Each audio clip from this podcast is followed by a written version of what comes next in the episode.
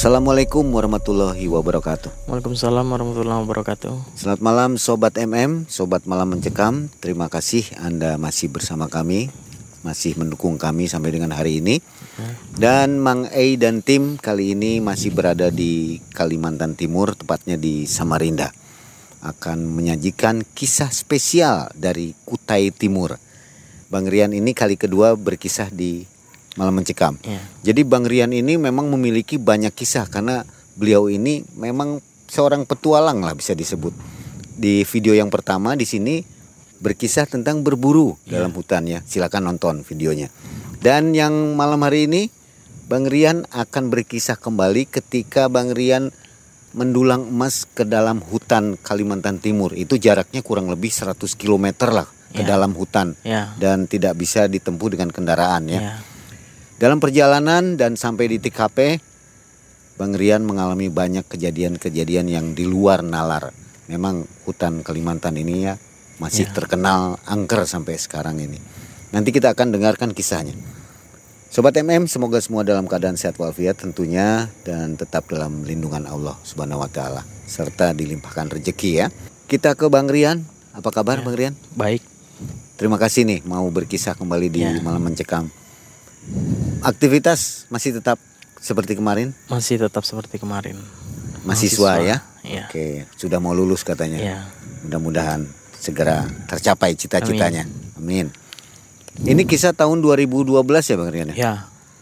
Jadi Cerita- waktu ke dalam itu ke tempat pendulangan emas, ini pendulangan emas kearifan lokal ya artinya kearifan bukan dimiliki oleh pemerintah ya. Iya, Masih bebas lah. bebas. Siapa pun boleh Boleh. asal sanggup ke dalam Asal sanggup tempatnya lokasi ya. Ya. Berapa orang waktu itu ke sana? Waktu itu kita berangkat orang empat. Empat orang. Ya, empat orang. Termasuk dengan eh, bapak saya. Bapak juga ikut ya? Ya, ikut berangkat waktu itu. Karena beliau memang yang mempunyai lokasi tersebut. Bapak. Ya. Oh ini tanah bapak. Bukan ceritanya. tanah bapak, tapi kalau di daerah pedalaman itu siapa yang menemukan lokasi itu sudah menjadi milik kita. Oke. Siapa yang duluan Iya, iya. menemukan, dialah yang punya. Berarti bapak sudah hafal tempatnya ya? Ya, sudah hafal tempat itu. Berarti ini berapa kali mendulang emas? Keberapa kalinya? Yang ke pertama kali, tapi kalau orang tua eh, mungkin sudah keberapa kali dari kecil di daerah situ. Selalu ya. Ya. Bisa dapat berapa kilo? Yang pernah gol waktu itu yang namanya Taman Iban, orang Gemar pernah gol 1 kilo 8 on 7 gram. Rekor itu ya. Ya, rekor. Luar biasa. Nah kalau dari Bang Rian sendiri hanya berapa on mungkin? Kita seminggu sekali kita pulang, seminggu sekali kita pulang. Jadi setiap seminggu itu kita mendapatkan hasil 40 gram. 40 gram Ya. minimal. Iya, berdua. Itu dibagi dua orang, empat Iya, orang. ba- ba- bagi dua orang. 40 gram ya. Ya kalau jadi berempat jadi 80 gram. Oh gitu. Ya, kan beda kerja kerjanya tuh satu lokasi, satu lokasi. Oke, baik. Ini kisah yang menarik, tapi tidak mudah juga ya perjuangan untuk mendapatkan Ya. emas itu ya. Tidak mudah. Kita dengarkan kisah dari Bang Rian mendulang emas di tanah Kalimantan. Ya.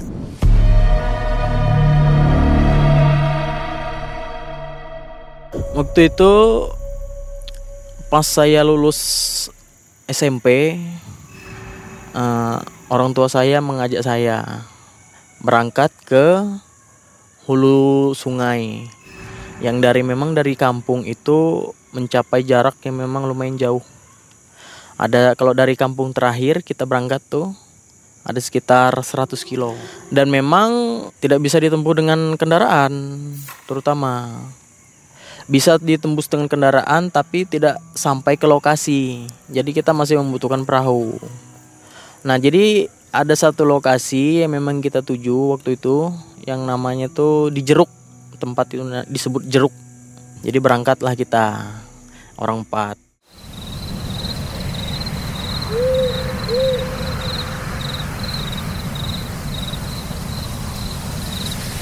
Nah, nama teman saya tuh yang satu namanya Ril, yang satu namanya Roni. Yang satunya bapak saya. Jadi kita berempat nih berangkat waktu itu. karena memang waktu itu tuh eh, di umur segitu mendulang emas tuh hal yang unik memang. Artinya belum pernah saya rasakan ikut bersama orang tua berangkat ke hulu sungai. Jam, jam 8 pagi berangkat sampai di kampung Muara Marah itu sudah sekitar jam 4 sore.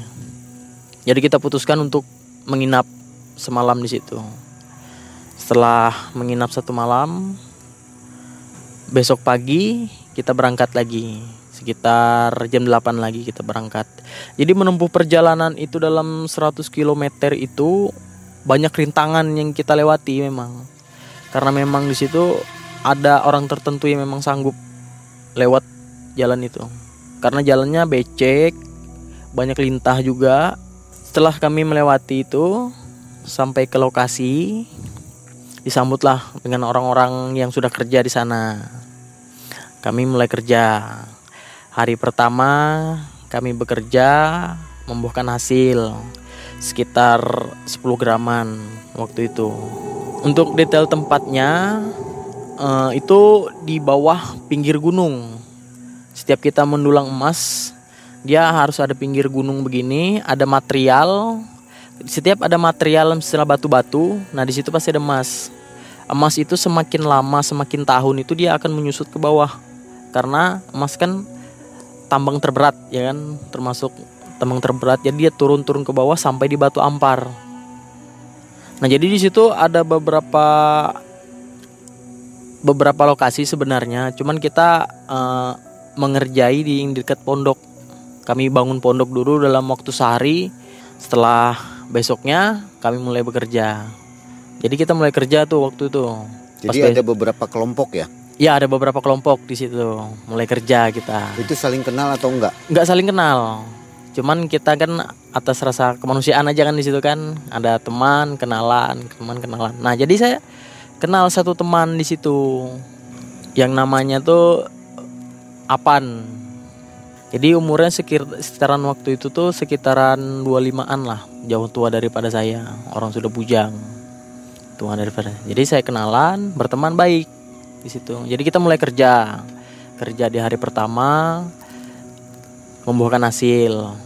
Jadi kita kerja terus, kerja terus, kerja terus. Eh, jadi ada satu tempat pohon, pohon itu memang di pinggir sungai. Yang bilang kita pohon kayu ara di pinggir sungai. Jadi belum ada yang berani eh, ngerjain di bawah pohon itu. Ya, belum belum ada yang berani menggarap. Nah jadi eh, yang teman saya yang nama Pan ini mau mengerjai itu. Jadi sudah ditegur waktu itu. Jadi bilang tetangganya jangan jangan dikerjain di situ. Nanti kamu ada apa-apa. Soalnya pohon kayu itu tuh ndak belum ada yang berani ngerjain. Termasuk kita nggak berani. Karena memang pohon itu mengandung mistik karena memang sering dilihat penampakan di bawah pohon itu. Jadi orang-orang tuh nggak berani kerja di bawah pohon itu. Di dekat-dekat situ. Takut mengganggu. Jadi yang nama Pan ini tadi merasa bodoh amat. Langsung dikerjainnya di situ. Jadi memang banyak emasnya di situ. Dia dapat itu sekitar 30 gram sehari. Satu hari. satu hari dia dapat dia merasa senang waktu itu. Heboh orang dia dapat sekitar 30 gram sehari. Jadi pas ke besok besok harinya keesok harinya dia sakit. Dia cerita dengan saya nih. Dia ngomong pertama dengan dengan saya ngomong badanku nih nggak enak gitu. Mulai demam rasanya. Dan dia bercerita juga dia mimpi tadi malam tuh dia dia mimpi bahwa di tempat di yang digalinya itu itu semacam istana di situ. Istana goib di bawah pohon kayu itu. Nah setelah dia mimpi itu dia sakit.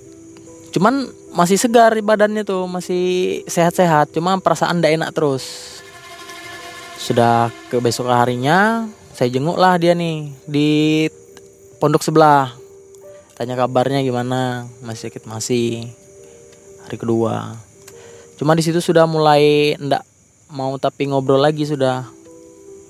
Waktu itu. Yang namanya apa tadi ndak mau tapi ngobrol lagi. Pas hari ketiga orang semua sudah ngumpul di depan pondoknya. Jadi kan saya bingung. Bingung kenapa meninggal. Tiga hari langsung meninggal. tiga hari langsung meninggal jadi semua orang di situ berhenti kerja.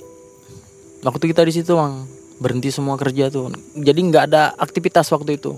Pas sudah ada yang meninggal tuh nggak ada aktivitas. Rumornya ya karena dia mengerjai di bawah pohon kayu ara itu tadi.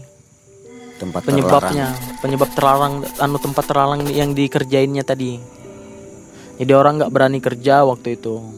Kita juga nggak berani kerja pas waktu itu. terlarang. Ini Apan sendirian waktu menggali atau ada partnernya? dia sendirian menggali kerja sendirian di Nekat sendiri. ya nekat kerja sendirian cuman eh, ada teman satu asalnya satu daerahnya di situ Tapi nggak mau ikut ke nggak mau situ. ikut karena takut tadi nggak mau ikut jadinya nah setelah itu pas meninggal orang semua kumpul jadi berunding mayat ini kita kemanakan? Hmm. kata eh, tetangga saya ini kalau kita bawa turun ke kampung makan waktu yang jauh. Sementara kita ini berada di ujung hutan jarak 100 km bawa mayat ndak ndak punya mobil. Sementara yang ada semua di situ kendaraan-kendaraan motor.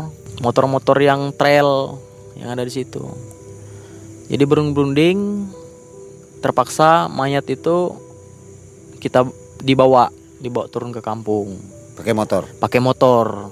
Jadi yang memang yang bawa itu nekat karena memang temannya, teman satu eh, sebelah pondoknya yang satu asal. Kalau namanya itu Riman. Nah, habis itu dibawa diikat di motor, dibawa lah sekitar jam 8 malam dibawa sendiri, Satu motor. satu motor aja sendiri. Nggak Dan itu waktu nggak ada yang awal pas hujan. Karena orang masing-masing sibuk kerja. Karena kami ndak mau melanjutkan lagi di tempat itu, kami pindah menuju lokasi baru. Itu makan waktu sekitar dua hari Perjalanan. perjalanan. Padahal dekat aja 50 kilo aja. Makan dua hari perjalanan. Cuma kita menggunakan ketinting perahu Lewat sungai ya. lewat sungai. Nah sebelum ke sungai ini kita lewati gunung lagi, gunung tinggi kita lewati, baru kita turun ke sungai. Jadi kita bawa barang-barang kita tuh bang, barang-barang kita bawa semua turun ke perahu.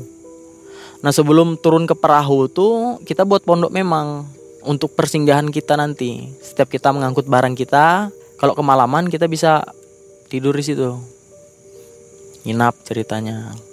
Nah waktu itu pas kita kemalaman di pos pertama ngantar barang tadian kemalaman di pos pertama kita tidur di situ. Waktu itu saya pas jam sekitar jam 6 sore masak ikan bakar ikan. Pas bapak saya itu duduk pas di das pondok duduk begini. Jadi saya di bawah bakar ikan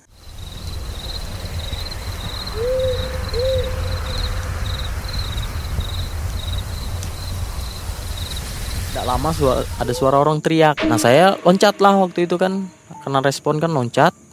Bapak saya langsung turun ke bawah. Dilihatnya kiri kanan begini, langsung ditiupinya. Hilanglah suara itu tadi, tidak ada suara lagi. Teriaknya tuh seperti suara manusia. Wuih. Itu keras suaranya itu. Sampai serah suara hutan itu kan gema langsung suaranya. Nah saya merasa takut waktu itu duduklah saya. Jadi bilang bapak saya jangan ke mana-mana dulu bilangnya. Kalau kusuruh jalan baru jalan. Kita bertahan aja dulu di sini. Soalnya ini lain hutan ini bilang bapak saya kan.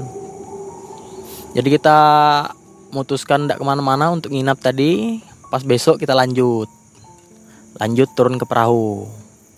Bawa chest turun ke perahu. Kami orang empat nih tadi. Pas bawa chest muat barang. Kita antar barang nih tadi kan sekitar dua hari tadi kan. Sampai ke lokasi antar barang kembali kami kemalaman orang tiga mang. Kan tidak mungkin kan kita kalau kita bawa perahu malam-malam kan tidak kelihatan jalan tuh pasti. Nah jadi kita terdesak sudah jam 6 kita harus buat pondok cepat di pinggir sungai Mahakam tuh di pinggir pasirnya. Kita naikkan perahu kita orang orang tiga karena bapak saya kan masih nunggu di pos pertama tadi kita orang tiga dorong perahu bikin pondok Nah setelah jadi pondok sudah mulai gelap mang waktu itu. Jadi perahu itu kami naikkan, naikkan begini perahu itu. Jadi bisa bergoyang dia. Pas kami sudah selesai bangun pondok, masuklah kami ke pondok tadi. Pas teman saya yang terakhir masuk, Gak lama dilempar orang pakai batu kepalanya. Dilempar, dituduhnya kami yang lempar. Marah dia. Dilempar orang tapi nggak ada orangnya. Karena cuma kami bertiga di situ. Dia bilang teman saya siapa yang lempar? Kami nggak tahu. Kalian yang berdua nih yang lempar aku bilang. Bilang bilang saya bukan kami bukan kami yang lempar. Untuk apa kami ngelempar teman di dalam hutan ketiga kalau bukan kalian berdua siapa lagi yang lempar aku? Pala aku nih benjol bilangnya.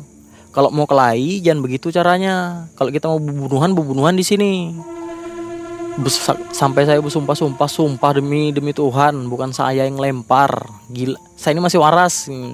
Untuk apa ngelempar teman? Batunya itu waktu itu sebesar ini. Dilempar sampai dia marah betul waktu itu.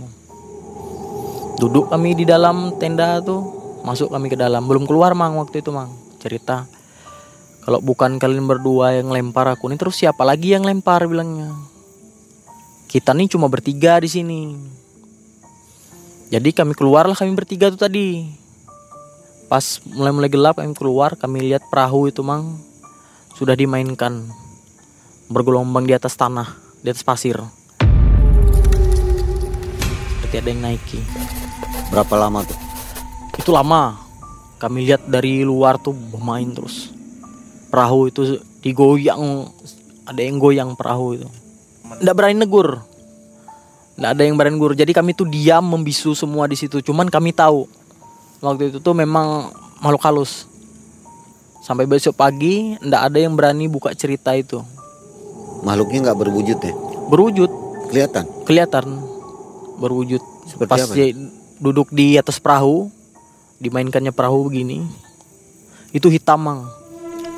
hanya hitam. satu hanya satu dimainkannya perahu begini bisa bulu, gambarkan detail? Detailnya bulu tangan itu panjang. Duduk di atas perahu begini. Temannya sudah sakit, demam sudah. Meriang badannya. Pas meriang itu, pas malam, dia melamun di pinggir pondok tuh. Habis malam saya pas mandi. Pas saya habis mandi, saya lihati teman saya yang satunya yang teman saya yang namanya Ril nangkapin yang namanya Rian tadi kerasukan sudah. Di hutan itu. Jadi saya pegang tangannya itu saya buka tangan itu tidak bisa dibuka mang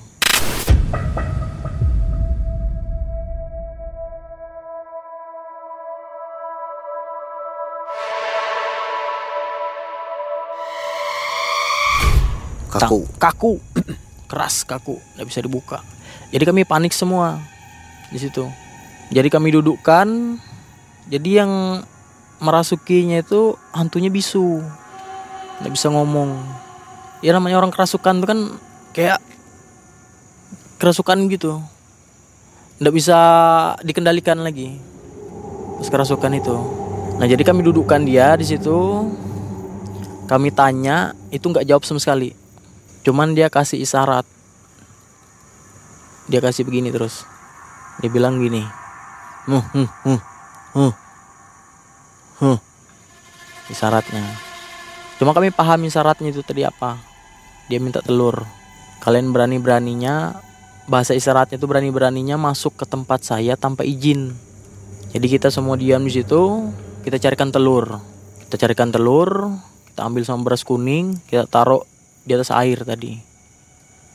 Untung bawa ya? Ya memang kita selalu bawa. Kalau kita ke hutan tuh pasti kita bawa telur telur ayam kampung tuh bukan untuk anu untuk sewaktu-waktu kalau ada kejadian mistis Nah itu pasti penggantinya pakai itu. Oh, bukan untuk dimakan. Bukan bukan untuk dimakan. Nah itu pakai penggantinya supaya dia ini bisa cepat keluar daripada badan tersebut. Kita hanyutkan. Tidak lama Ril sadar. Dia dia nggak tahu sama dirinya sendiri. Dia lupa sama dirinya sendiri. Dia nggak tahu apa yang terjadi sama dirinya sendiri. Nah itu baru mau berangkat itu, mau berangkat ke lokasi. Pas sudah dia merasa segar, merasa sehat, berangkatlah kita. Berangkat naik perahu, berempat tadi. Sampai lokasi kita bangun pondok. Jadi jarak pondok kita tuh dari pondok satu, pondok dua tuh ada sekitar 10 meteran jarak pondok. Jadi saya tidur sama bapak saya bikin pondok di sebelah kanan. Nah, mereka berdua sebelah kiri. Karena di situ emasnya tuh kurang mang. Artinya isinya kurang emas di situ. Nah bapak saya coba tuh coba panggil eh, menggunakan hal mistik juga di situ. Karena masih ada telur tadi ditaruhnya lah dia di atas ancak di dekat pondok teman saya tadi yang namanya Rian tadi taruhnya di situ ditancapnya ancak taruhnya telur di sawainya Sawah itu artinya manggil para roh-roh ritual ya. Setelah dipanggil, sebut satu-satu namanya, selesai ritual, pas sore kan pemanggilan itu kan.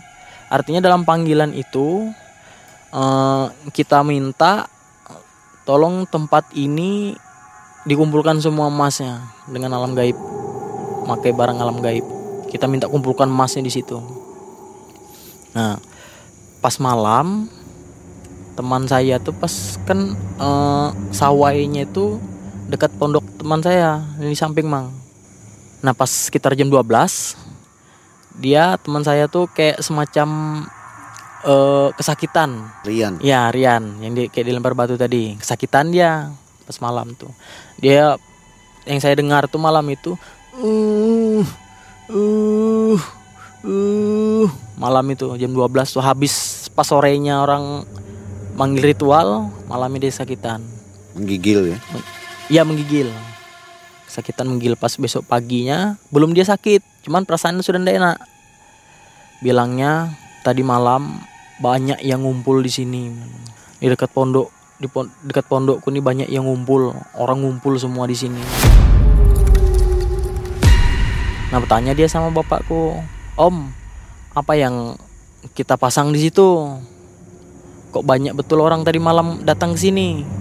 Nah bilang bapakku itu namanya sesajen sawai namanya. Manggil memang itu khusus dipanggil memang Datang itu Nah setelah itu kami kerja Sekitar tiga hari mang kerja. Dia sakit Sakit demam. Jadi memutuskan minta antar pulang waktu itu. Jadi jadi dia bilang Aku ini sudah tidak sanggup lagi di sini. Badanku ini sudah ndak enak betul ndak sanggup nerima hawa di sini ini sudah ndak kuat lagi badanku nih aku sudah lemah. Jalan aja kita gotong kita pegang tangannya turun ke perahu tuh. Badannya sudah putih pucat sudah darah tuh semacam kayak disedot sudah jadi kami putuskan waktu itu untuk pulang pulanglah kita ayo jadi kita pulang naik semua ke perahu Jadi nggak jadi nambang. Nggak jadi, cuma sempat kerja beberapa hari itu tadi. Karena sakit kan mau ndak mau kita harus pulang daripada mati di sini. Kita yang susah bawa mayatnya kembali ke kampung. Kan bapak di situ anggaplah orang bisa, orang pintar ya. Iya. Nggak coba diobati. Ndak ndak ngeh gitu nah. Dianggapnya penyakit biasa waktu itu. Pulanglah kami nih sekitar jam 2 siang naik perahu. Sudah hampir malam sekitar setengah lima.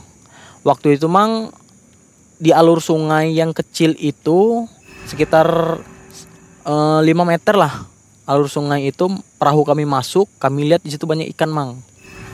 Ikannya besar besar nah saya putuskan untuk anu mang apa masang pukat. Bilang kami itu masang pukat. Jadi ada yang untuk dibawa pulang. Kalau kita pulang ke kampung nih ada yang kita bawa nih ikan gitu. Stop lah kami. Jadi saya pasang pukat di situ, saya banyak dapat ikan. Tapi teman saya ini sudah mau mati. Sudah tidak bisa apa-apa lagi, ngomong aja tidak bisa. Baru dia bilang bilang sama sama saya kan, Ri, ayo pulang. Aku nih su- sudah tidak kuat lagi sudah. Jangan stop stop lagi. Aku takutnya aku mati di sini. Kalau sampai aku mati di sini, kamu yang susah bawa mayatku nanti. Jadi saya semacam ketukkan pintu hati ini. Oh iya betul juga kalau sampai habis umur di sini, saya juga yang repot. Jadi kita putuskan untuk balik lagi. Jadi saya lihat nih sudah tidak berdaya lagi. Waktu itu tidak berdaya. Ikan dapat dalam perahu ini sudah banyak ikan. Jadi dia duduknya di perahu itu kan bagian tengah. Saya kan di bagian depan. Depan perahu tuh yang kami bilang tuh ya namanya luan. Kita berdiri di depan.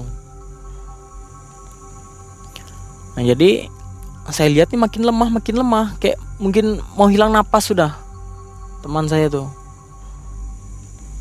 Yang anggapnya sakit biasa karena dia bawa perahu kan enggak tapi fokus kan karena di situ kan arung jeram. Kalau kita lewat arung jeram itu kan harus fokus. Yang saya kasih tahu bapak saya waktu itu. Saya bilang, "Pak, Rian ini makin parah ini. Salah-salah bisa habis umur." Coba lihat lihat kondisinya. Baru bapak saya tuh. Waktu itu. Artinya baru peka. Diambilnya air, ambilnya air cepat, dibacakannya. Nih pu, anu inian, coba kamu minum sedikit, baru kamu hapus mukamu sama kepalamu, cepat sebelum kamu terlambat. Pas diminumnya, diusapkannya, langsung kayak orang sehat waktu itu mang. Langsung kontan, langsung sembuh di situ. Nah jadi merasakan sudah pertengahan jalan, si Dani kan sudah sehat. Apakah kita balik lagi ke tempat kerja ataukah pulang? Jadi bilangin karena aku sudah telanjur pulang, kita pulang aja. Jadi kami putuskan waktu itu untuk pulang. Jadi kalau memang telat waktu itu mang mungkin teman saya itu mati. Jadi kita pulang waktu itu. Sampai ke besok harinya sudah sampai du- dua hari sampai ke kampung sudah. Wajai lagi, ayo kita besok pagi kita berangkat lagi. Dia sudah tidak mau lagi. Dia sudah semacam trauma gitu. Batinnya sudah terguncang, tidak mau ikut lagi. Ternyata apa yang mengganggunya itu? mengganggunya itu hantu yang yang dilempar Yang batu dari yang di- dia dilempar batu sampai hantu yang dipanggil bapak tadi pakai beras kuning karena memang lemah bulu Sirian itu tadi. Lemah bulu itu menandakan kita tuh mudah Dimasuki. terkontaminasi dengan makhluk halus. Gitu. Auranya lemah gitu. jadi tidak bisa dia nusirit paling cepat diganggu orang lemah bulu itu paling cepat diganggu. Itu contohnya dari pertama tadi memang tempat itu memang angker. Dia sudah dilempar batu nah pas yang mau sampai pondok juga mau dilempar batu juga mang. Aku lihat batu itu. Pas perahu kami sudah jalan dia nu eh, sudah masuk tempat kerja kami berempat dia mau dil- dilempar orang dari pinggir. Padahal ada orang? Untung nggak kena. Seperti jadi target ya. seperti jadi target. Kalau sampai itu kena itu pasti mati sudah. Ya bilang bapak saya untung kamu tuh nggak kena batu yang keduanya itu. Kalau sampai yang kena yang keduanya itu mati di tempatnya Seandainya si bapak sadar waktu itu, Ya. mungkin nggak pulang ya. nggak pulang Sadar mengobati. ya nggak sadar ngobati itu mungkin nggak pulang karena waktu itu dianggap sakit biasa aja gitu Dapat berapa gram waktu itu? Waktu itu dari lokasi yang pertama sama lokasi yang kedua tuh sekitar 40 graman 40 gram. 40 gram Si bapak kan manggil makhluk gaib. Ya Setelah itu jadi banyak mengandung emas. Ada perbedaan nggak? Menurut saya sih sama aja sih mang. Habis manggil makhluk gaib itu. Sama aja. Mungkin bertambah sedikit. Pertama tuh memang kelihatan banyak. Tapi pas ditimbang tuh Sekitar 40 graman aja. Tetap ya. Tetap. Malah Sirian jadi korban ya. Silian ya hampir jadi korban. Setelah pulang tadi Saya ajak lagi Rian dari Mang. Ajak Yan ayo ikut lagi berangkat nambang bilang aku ndak sanggup lagi bilang. Nah saya kasih tahu bapak. Pak Sirian ndak mau ikut lagi bilang ndak kuat lagi bilang. Jadi bilang bapak kita berdua aja lagi.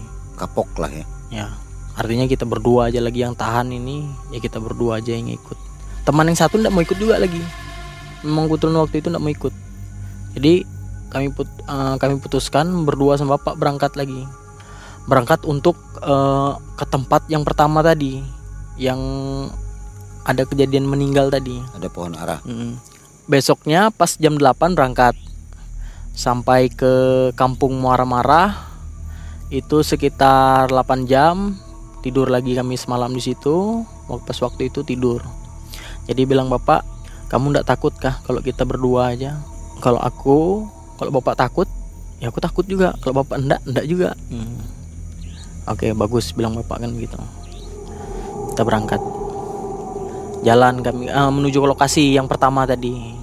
Nah kebetulan di situ pondok kami masih ada masih rapi masih di situ pondok pertama. Jadi bilang bapak nanti kalau sudah kita sampai di pondok bapak mau coba interaksi sama makhluk halus di situ yang pernah eh, merenggut nyawa tetangga kerja kita. Sudah sampai stop kendaraan waktu itu jalan setapak kami masuk di jalan setapak jadi setelah sekitar sejam perjalanan menuju lokasi kerja pertama saya melihat sosok di situ. Sosok di tengah jalan. Karena memang eh, jarak kami sama bapak nih jalannya agak jauh. Mungkin eh, saya di belakang dia sudah tidak kelihatan di depan jadi saya ngikut di belakang. Memang kita gitu memang iringannya tuh. Tidak pernah dekatan kalau jalan di dalam hutan tuh. Selalu jauh jalan. Jadi kalau kalau misalnya kayak aku duluan nih ya aku duluan sampai. Jadi kita nunggu lagi bapak berapa jam sampai gitu. Oh terpisah ya. terpisah. Sampai jam-jaman ya jaraknya. sampai jam-jaman jaraknya. Terpisah terus di dalam hutan. Nah kebetulan waktu itu tuh bapak duluan sudah jalan duluan saya ketinggalan di belakang. Nah kenapa pas jalan ini penglihatan ini makin kabur makin kabur? Nah, ndak lama di samping pohon saya lihatlah makhluk setengah macan setengah manusia.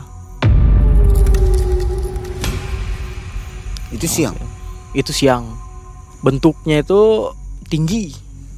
Tinggi daripada manusia lagi berdiri samping anu di samping pohon itu tadi berdiri. Ya jadi saya langsung terduduk di situ. Karena saking sawan kan Kaget. kaget saya langsung terduduk di situ. Saya tutup mata. Saya pejam sekitar lima menitan saya pejam waktu itu. Cuman bentuknya saya lihat itu matanya itu nyara tajam melihat ke saya. Mau menerkam. mau menerkam cuma pas saya buka lagi itu sudah tidak ada lagi. Nah saya takutkan ini takut terjadi lagi ke saya. Itu mang. Jadi saya usahakan positif positif terus. Sampai di sudah sampai di pondok saya ceritakan sama bapak saya. Ya bilang bapak kalau gitu eh, nanti bapak coba komunikasi nanti sama penunggu penunggu di sini. Sambil kita cari tahu penyebab kematiannya eh, tetangga rekan kerja ini tadi disebabkan oleh apa? Ya siapan ini. Jadi pas malam sudah disiapkan semua peralatan peralatannya seperti kita harus ada sesaji tuh nasi tujuh itu harus lengkap. Nasi tujuh tuh nasi tujuh warna sama telur sama beras kuning sama dupa. Kita taruh di atas eh, di samping pohon yang kayu ara itu tadi. Kamu mau ikut? Bilang bapak kan. Ya saya ikut. Ikutlah aku dari belakang nih. Sambil melihat kan eh, kondisinya bagaimana. Nah setelah itu bapak komunikasi di situ. Ternyata pohon itu merupakan peninggalan orang yang pernah tinggal di situ dipergunakan sebagai ritual. Itu pohon pernah dipakai menjadi kuburan bagi bayi yang ya, bayi yang sudah meninggal ketika melahirkan. Nah, jadi yang kesalahan-kesalahan yang pekerja ini tadi aku sudah menegur bilang arwah di situ, roh di situ atau jin di situ. Aku sudah menegur dia dalam mimpi untuk jangan kerja di dekat situ, dia masih tetap kerja di situ. Jadi mau ndak mau aku akan ambil nyawanya. Karena ini memang sudah ada sejak dulu pohon ini. Dan kami memang sudah tinggal di tempat ini sudah sejak lama. Kalian datang ke sini untuk merusak tempat kami. Nah, jadi Bapak bilang komunikasi lagi. Kalau begitu kami minta maaf Eh, apa yang dilakukan orang-orang yang di sini bilang Bapak kan artinya kita apa yang kita mau kami akan siap penuhi untuk tetap tidak mengganggu orang di sini. Nah jadi ya kalau memang begitu siapkan kepala kambing satu sama ayam ayam hitam. Gitu. Jadi eh, setelah komunikasi itu tadi ke be- besoknya dikumpulkanlah orang yang kerja di situ tadi sampaikan kalau mau selamat artinya kerja di sini siapkan kepala kambing sama ayam hitam dipotong di situ darahnya taruh di situ Kalau penguburan bayinya itu di tanah atau di pohonnya? penguburan bayi itu tadi eh, dalam interaksi itu tadi itu dibelah dibikin kotak nah jadi bayi yang sudah mati tadi ditaruh di situ lagi dibolongin dimasukkan ditutup lagi Jadi bukan di tanah ya. bukan di tanah kuburnya di dalam pohon itu Ya mungkin karena ada seperti sesuguhan atau sesembahan itu Ya. jadi angker ya jadi angker sampai sekarang. sampai sekarang itu masih masih tetap angker dan eh, sampai sekarang pun tidak ada yang berani kerja di dekat pohon itu lagi Emas yang ditinggalkan oleh Apan tadi yang meninggal dikemanakan? Mana? Apan kan dapat sehari 30 gram. Iya. Nah itu dikembalikan atau dibagikan? Nah itu tetap dikasih ke keluarganya, Oh, dibawa, ke keluarga. ya dibalikkan ke keluarganya, dibawa, dikasihkan. Dulu memang eh, menurut interaksi tadi, dulu di situ memang ada perkampungan yang tua dari zaman kerajaan dulu, dari suku Dayak memang di situ. Karena memang kebiasaan suku Dayak ini berpindah-pindah tempat tinggalnya tuh berpindah-pindah karena bercocok tanam di situ. Kalau sudah tidak subur, Kalau tanah sudah tidak subur, mereka pindah lagi, cari yang baru ya. cari yang baru. Kalau sudah tidak subur lagi, cari yang baru, cari yang baru. Begitu terus seterusnya. Nah sekarang tempat itu masih ada yang menambang nggak? Sekarang sudah tidak ada yang menambang lagi sudah di situ, Sudah tutup. sudah tutup. Padahal masih banyak ya kalau Sudah. dicari Masih banyak emasnya karena sudah berapa orang mati di situ. dari negara atau pemerintah ada yang turun tangan untuk menutup lokasi. Tidak ada. Kalau dari daerah situ memang belum pernah terjamah oleh orang luar memang. Dan tanahnya belum ada pemilik ya. Belum ada pemilik tanah di daerah sana. Baik. Masih tanah belantara. Nah, sobat MM, itu kisah penambang emas di Kalimantan. Jadi menambang emas juga bukan dilihat dari hasilnya menyenangkan ya. Ya. Ternyata untuk mendapatkannya juga butuh perjuangan, bahkan Perjuangan. nyawa pertaruhannya. ya. Ya. Mas Rian, terima kasih atas kisah yang menarik ini menambah wawasan dan info untuk kita semua. Jadi berhati-hatilah di mana pun kita berada, apalagi berada di wilayah Kalimantannya. Ya. Jangan lupa untuk permisi mungkin ya. Ya. Tadi itu kan karena kasusnya banyak tidak permisi Ya, kan ya. banyak tidak permisi. Ya. Akhirnya Mang Ai dan tim undur diri dari Kalimantan Timur, Samarinda. Assalamualaikum warahmatullahi wabarakatuh.